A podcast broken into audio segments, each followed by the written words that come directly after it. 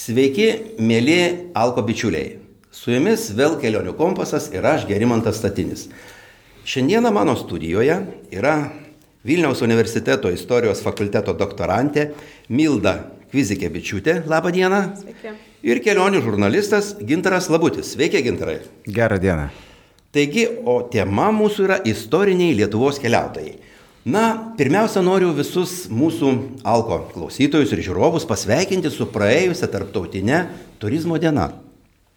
Pasakyti, kad jau 30 beveik metų mes švenčiame šią dieną, o buvo jinai įsteigta 79 metais e, Junktinių tautų tarptautinės turizmo asociacijos generalinėje asamblėjoje. Ir kodėl buvo pasirinkta ši data? Ši data buvo pasirinkta dėl to, kad Šiaurės pusrutulyje Turistinis sezonas baigėsi, o pietų prasideda.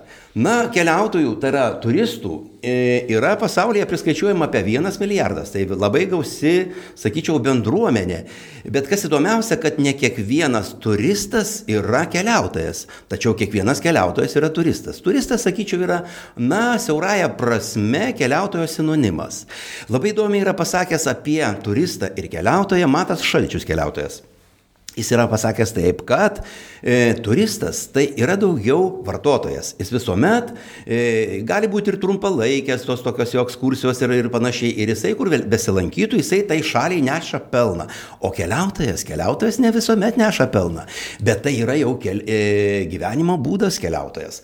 Va, tai tokie būtų e, pamastymai ir prisiminimai apie keliones, apie turizmo tą dieną.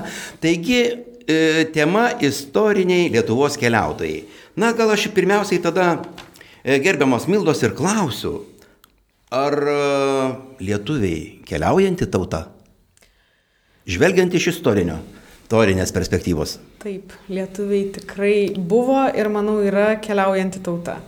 Nes e, aš domiuosi šiaip kelionių raštijos paminksl, paminklais paliktais Lietuvos didžiosios kunigaikštystės keliautojų. Tai mano, mano tyrimas prasideda tik 16 amžiuje, nors tikrai lietuviai keliavo ir iki tol.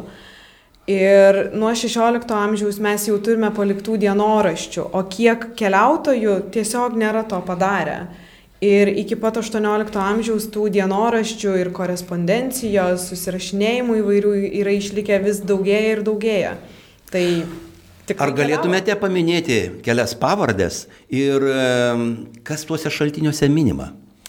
Kas pasakojama? Visiems labai gerai žinomas Mikalojus Kristupas Radvi, Radvila Našlaitėlis ir jo kelionė į Šventąją Žemę. Tai yra įspūdingas dienoraštis, kaip paliktas, kaip parašytas 16 amžiuje.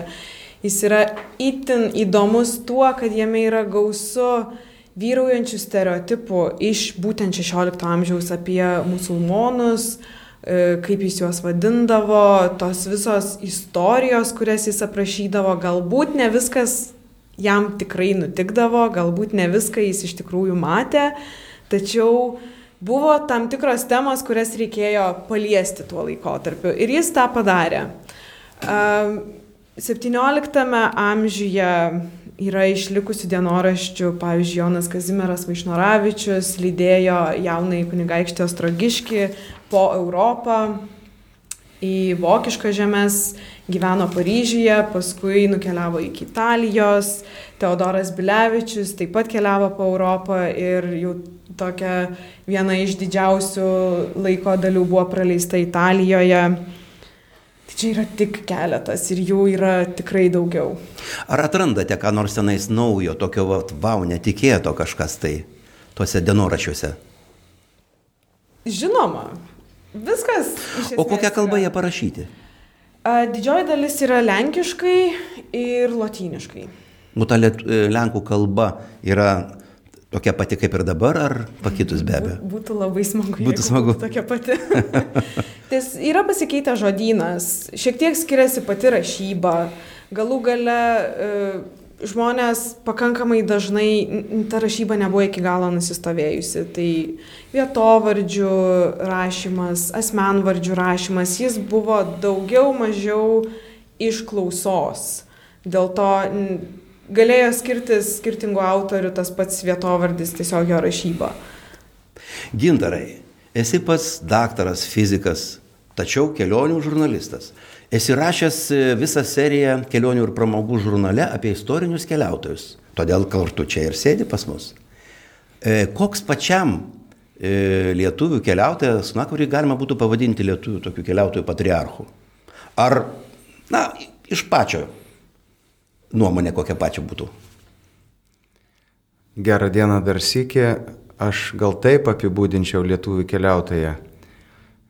Tai viena yra keliautojas kovotojas, kuris dažnai keliavo ne savo noru.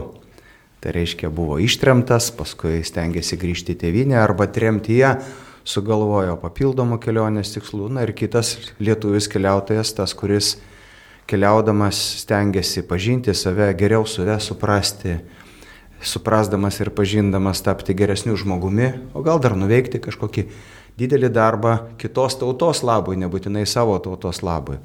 Tai aš taip ir matau tos keliautojus skirtingo, turinčius skirtingus tikslus.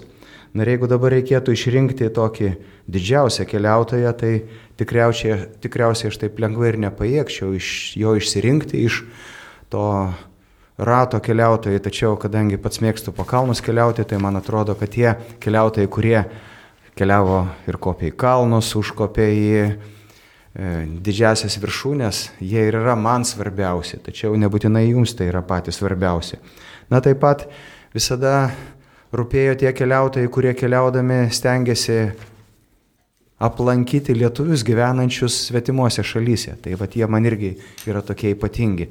Tai jeigu dabar reikėtų rinktis ir ieškoti balanso tarp vyriškos ir moteriškos lyties, tai aš pasirinkčiau Jozapą Hotską, kuris keliavo po Kaukazo kalnus, kuris lipo į mistinį kalną, prie kurio prisišlėjo, prisišvartavo Nojaus laivas arba moterį keliautoją, tai pranaitytė Julija, kuri keliavo po visą pasaulį, rašė apie tai knygas, tas knygas spausdino, jai rūpėjo ir lietuviai gyvenantis už Kaukazėje ar Vidurinėje Azijoje. Tai štai būtų tie man du, ko gero, mylimiausi, netgi sakyčiau, tokie keliautojų archetipai, kuriais norisi ir sekti, norisi apie juos daugiau sužinoti, norisi gal net ir paminklinę lentą pastatyti. Ar, ar pritvirtinti. Taip, ar pritvirtinti, ar tai būtų Filadelfija, ar Bilisis. Kuomet mes sakome lietuvių keliautojas, tai nebūtinai turi būti, kad jisai kalbėjo lietuviškai, nes tuo metu ir ne, e, tiesiog mes e, tokie kriterijai, sakyčiau, tai gimęs, studijavęs ar dėstęs kurį laiką LDK teritorijoje. Ir tos kelionės buvo užfiksuotos ir laikomos tuo laikmečiu unikaliomis. Va. Na, o jeigu taip apie kelionės apibrėžimą prieitumėm. Kelionė tai yra geografinės vietos pakeitimas, fiziškai judant iš vienos vietos į kitą su pažinimo, švietėjiškais, sportiniais ar kitais tikslais. Keliaujame įvairai, įvairiais būdais ir tai gali būti, tam gali būti pasinaudo, panaudojamos transporto priemonės. Kelionė tai jūsų asmeninė istorija, į kurią jūs įdedate ne tik fizinės, tačiau tačiau ir dvasinės pastangas. Na, e, Milda, norėčiau jūsų dar klausti, e, ar dar vis yra nertų ar dirvonų tų, ar vis dar atrandate dar tų naujų kažkokių tai istorinių keliautojų? Kaip tik dabar skaitau vieną dienoraštį, kurio aš iš tikrųjų dar kol kas net nelabai istoriografijoje esu aptikusi. Tai manoma, kad tai yra nežinoma jezuito kelionė į Italiją 1723 metais. Ir tų dienoraščių galų gale yra korespondencija.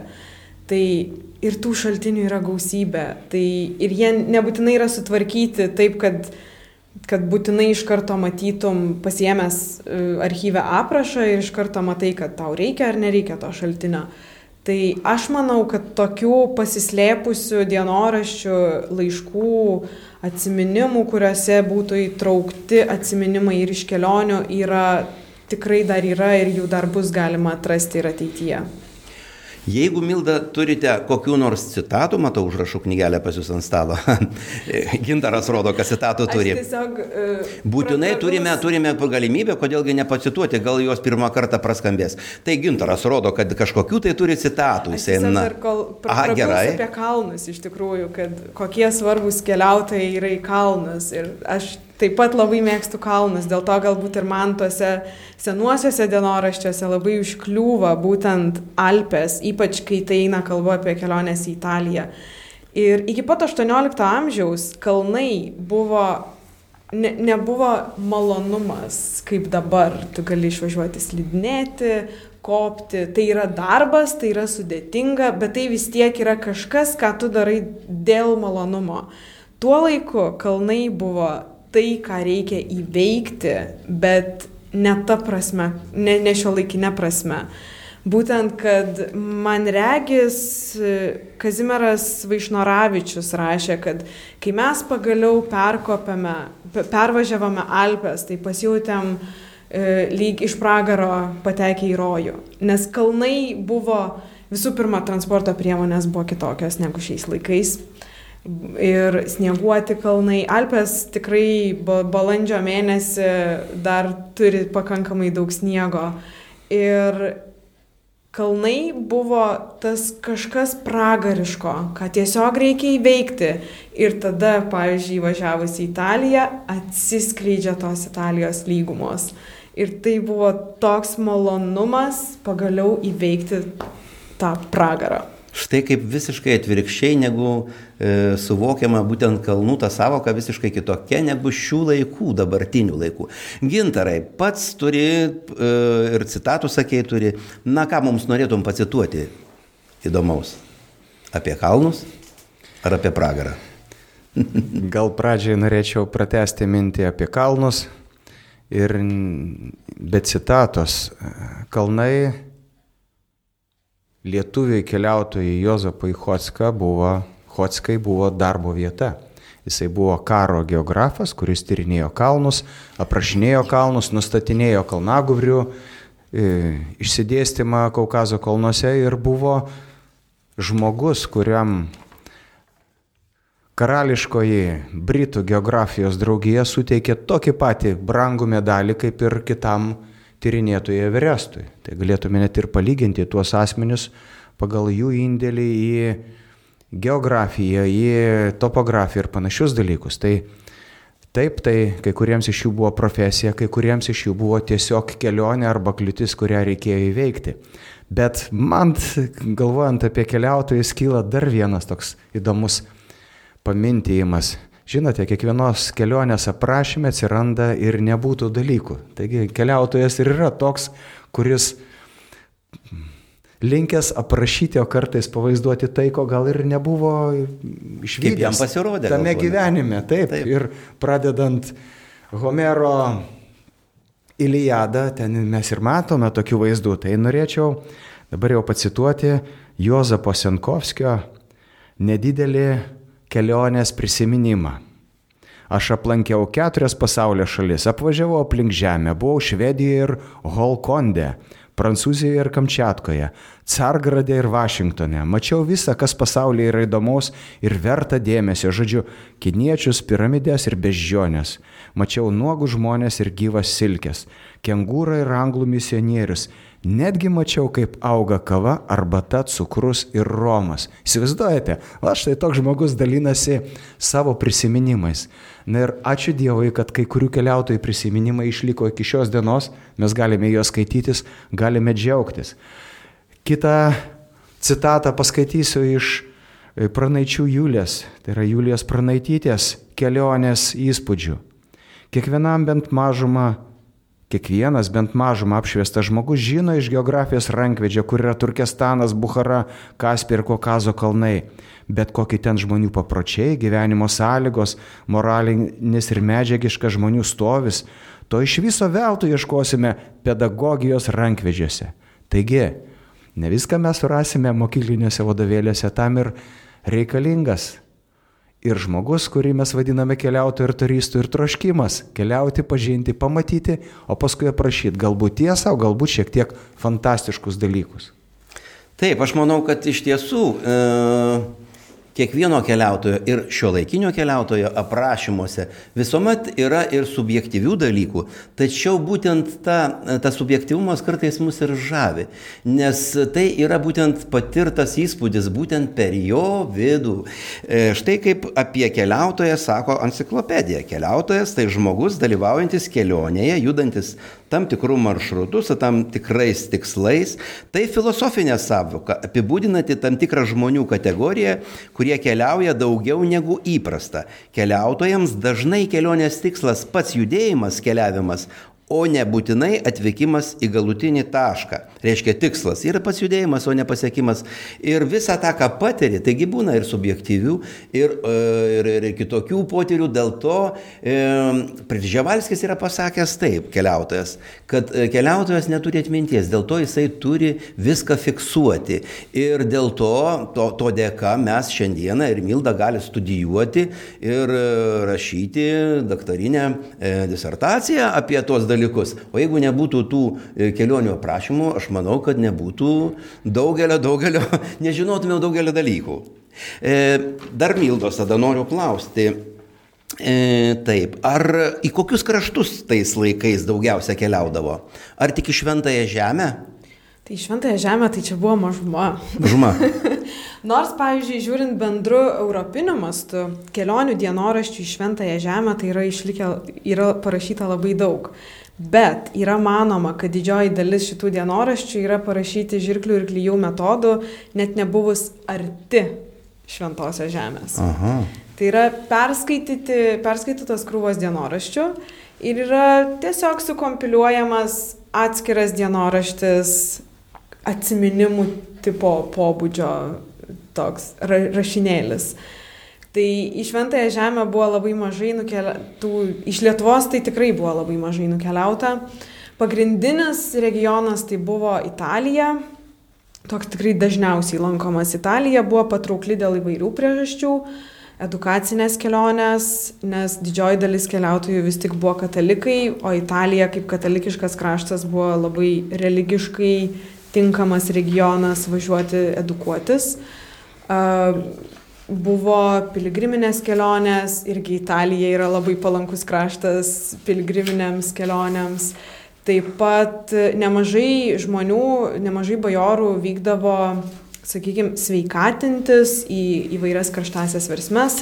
Tai pačios, tokios, sakyčiau, su kokybės ženklu buvo manoma, kad yra itališkos karštasios versmės, nors buvo ir dabartiniai Lenkijoje E, Jelenė Gūra kurortas ir Vokietijoje, pavyzdžiui, prie Acheno, bet Italija vis tik buvo tas toks dažniausiai aplankomas. Ir vakarų Europą, tos vokiškos žemės, e, Prancūzija, tai jos buvo lankomos daugiau, pavyzdžiui, vokiškos žemės gal edukaciniais tikslais buvo lankomos daugiau protestantų, e, bajorų vaikų, nes tai buvo irgi religiškai tinkama, tinkamas kraštas, kas buvo labai svarbu. Ar lietuviai mes turime savo lietuviškai Marko Polo, tiksliau, kuris būtų daugiau ir, ir, ir rytus nukeliavęs? Taip.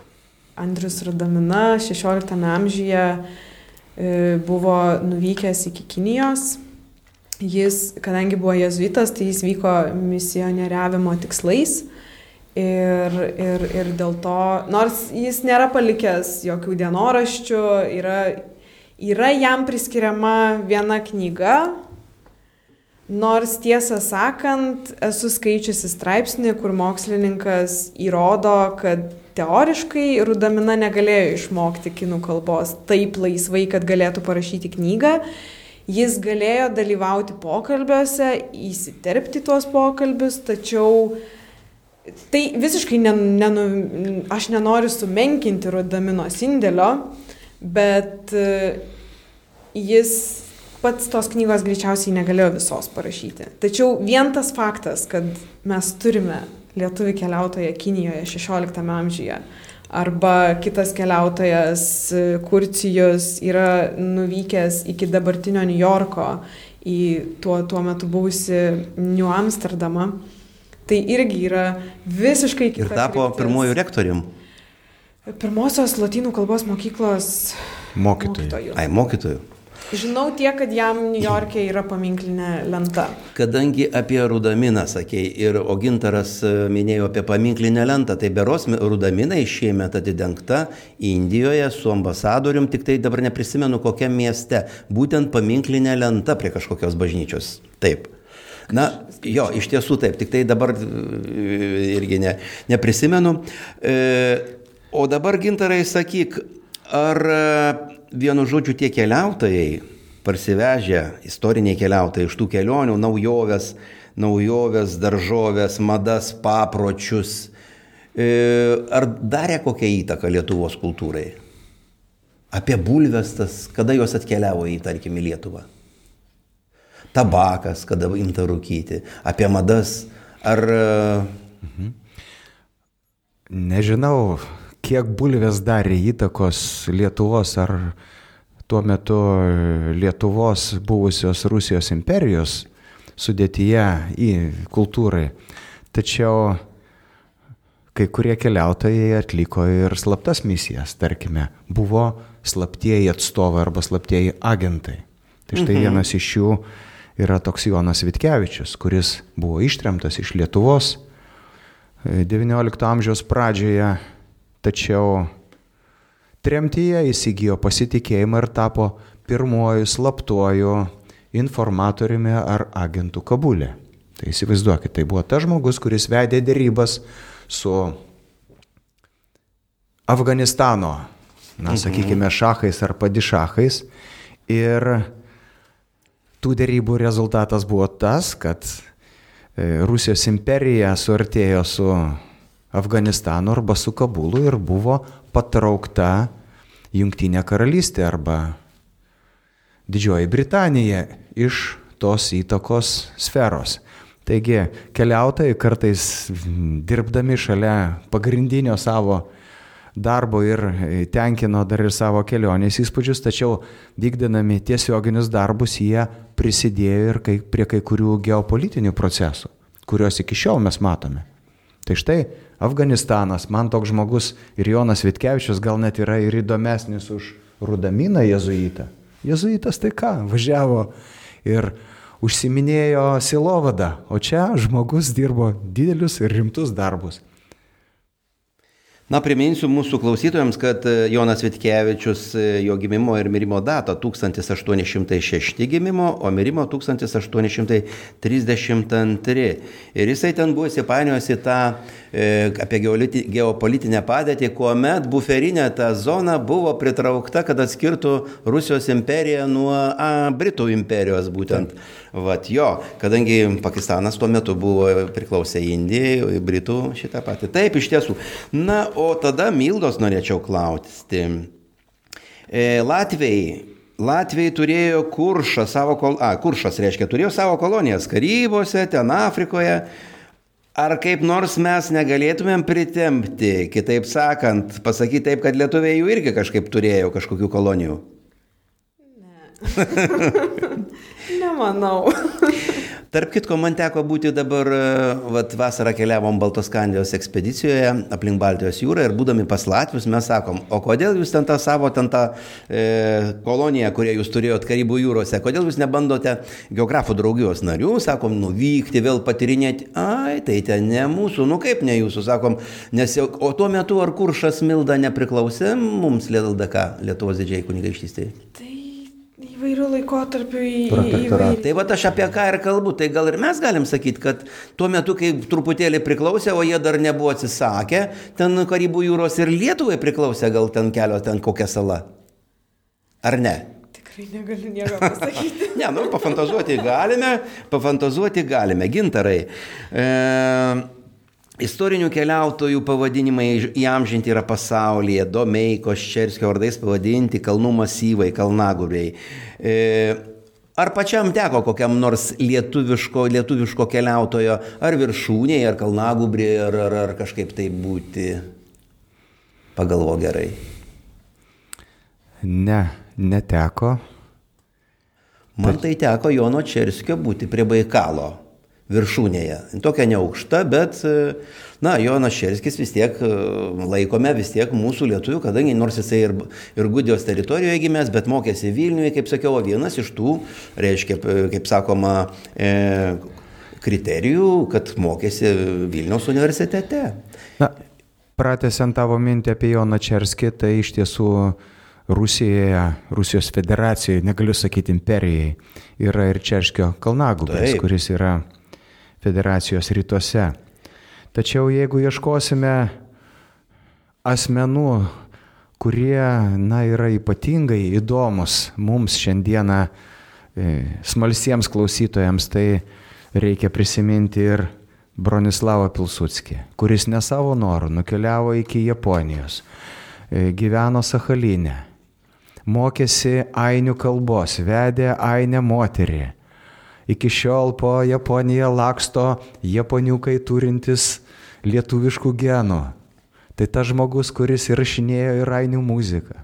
Jeigu imsime kitą gerą pavyzdį, tai Juozapą Hoškevičių ar Goškevičių, tai žmogus, kuris išmokė japonus, aš taip manau, fotografuoti. Ne Fudžijos išmokė, bet lietuvis. Tai štai yra tiek tokių gražių inspiracijų, kurios ir skatina mus dar sėki galvoti apie tuos žmonės, nebūtinai sekti jų kelionės pėdomis, bet galvoti, na ką čia tokio dar sumanius ir kuo ta kelionė galėtų būti ypatinga ir išsiskirianti iš visų kitų kelionių, kurių šiandien gali pasiūlyti ir kelionė agentūra, ir mūsų geri draugai, ir žurnalistų keliautojų klubas, ir bet kuris iš mūsų sumanęs kelionės tikslą. Iš tiesų tų lietuvių istorinių keliautojų, jau tokių vėlesnių, ne, ne, ne jūsų milda to periodo, kur studijuojate, kaip Konstantinas Saris, jisai po kelionių, jis tarp kitko buvo irgi žvalgas Rusijos imperijoje, e, grįžo į nusipirko vidurinę Aziją ir nusipirko žemės ir ėmė ją drekinti ir tie visi karakumai paversti medlį Vilnių plantacijomis ne sovietmečių pradėti, o būtent Konstantino Ario dėka. Vat. Ir, o jeigu mes dar praimtumėm kalbėti apie Manuelio Rosa knygą Kolumbas atskleistoje istorija, kur, kur, kur, kur, kur, kur iš vis sakoma, kad Kristupas Kolumbas iš tiesų yra Jogailaitis, Jogailos Vladislavo e, trečiojo varniečio sūnus ir Vladislavo e, Jogailos anūkas, ten labai be galo įdomi, tai mums neužtektų net ir, ir penkių laidų kalbėti. Ir be abejo, aš tikrai mūsų klausytojams ir Ir žiūrovams e, primenu, kad Manuelis Rosa Kolumbas atskleistoja istorija puikiai knyga, kur sakoma, kad tikrasis Kolumbo vardas buvo Segismundas Henrikesas de Sakolona Jogolaitis. Jis buvo Henriko Vokiečio, kuris e, Vladislavas III pasivadino būtent tokiu vardu. Ir tikrai paskaityti šią knygą ir mes kalbame, kaip tik apie istorinius lietuvių keliautojus, o galbūt Tegul pabando nors vienas profesorius po mūsų laidos įrodyti, kad tai e, Manuelis Rosa neteisus. Tam ir yra skirtos diskusijos ir vienu žodžiu, man labai šita knyga tikrai paliko didelį įspūdį. Ir e, aš manau, kodėlgi ne, nes sakoma, kad punios šilo pušis buvo naudojamos karavelėm tiesiogiai ir e, o Kolumbas, na tai kaip ir dabar skamba kaip ir atradėjo, tai va tai gal mes ir Lenkai senai jau šito didžiuojasi, kad, kad, kad Kolumbas jau buvo jogailaitis, tai jau kaip mes net nesididžiuojame, mes visuomet kažkur tai iš paskos. E, na ir norėčiau pabaigai kad dar Milda kažką tai dar kažką įdomaus papasakotų apie savo tyrinėjimas, ten kažkokius tai keliautojų dalykelius. Kažką tai dar. Posakinuką. Patogintaras. Grįžčiau aš prie to, ką minėjau pačioj pradžioj, kad ne viskas, ką keliautojai aprašė, būtinai matė. Tai pavyzdžiui, vienas iš man labiausiai įstrigusių pavyzdžių tai yra iš Kristupo našlaitėlio kelionės į Šventąją Žemę kur jis rašo pirmo asmeniu, būtent tą paragrafą rašo pirmo asmeniu, kad aš mačiau tris chameleonus, aprašo, kaip jie atrodo, kad jie neturi burnos, jie gyvi tik orų ir kad jis kilnojo juos ant skirtingų spalvų ir jie tikrai keitė spalvas, nors jau seniai yra įrodyta, kad chameleonai keičia spalvą pagal nuotaiką, o ne pagal artimiausią esančią spalvą. Bet įdomiausia yra tai, kad našlaitėlis tą rašo pirmo asmeniu ir aš mačiau, aš dariau. Ir tai tik parodo, kaip kartais buvo svarbu dienoraštyje geriau turėti kažką, kas galbūt ne iki galo yra išsiaiškinta, negu praleisti ir neduok die, kas nors iš tikrųjų tą padarys. Gintarai, O aš norėčiau priminti visiems Lietuvos keliautojams apie tai, kad kitais, tai yra 2017 metais visas svietas šves reformacijos 500 metų jubiliejų, o reformacija ir Radvilos, ir Biržai, ir Kedainiai, ir Dubingiai, ir Šventoji Žemė, ir čia visa tai gali būti susijęta į tokias fantastinės kelionės idėjas, kad skatinu, sugalvokite, keliaukite ir prisiminkite Na, o kaip keliautojai sako, aš niekada nemeluoju, aš tik tai šiek tiek pagražinu. Priminsiu mūsų laidos klausytojams, kad šiandien mūsų pokalbio tema buvo istoriniai Lietuvos keliautojai, o dalyvavo studijoje e, Vilniaus universiteto istorijos fakulteto doktorantė Milda Kvizikėnivičiūtė ir kelionių žurnalistas Gintaras Labutis.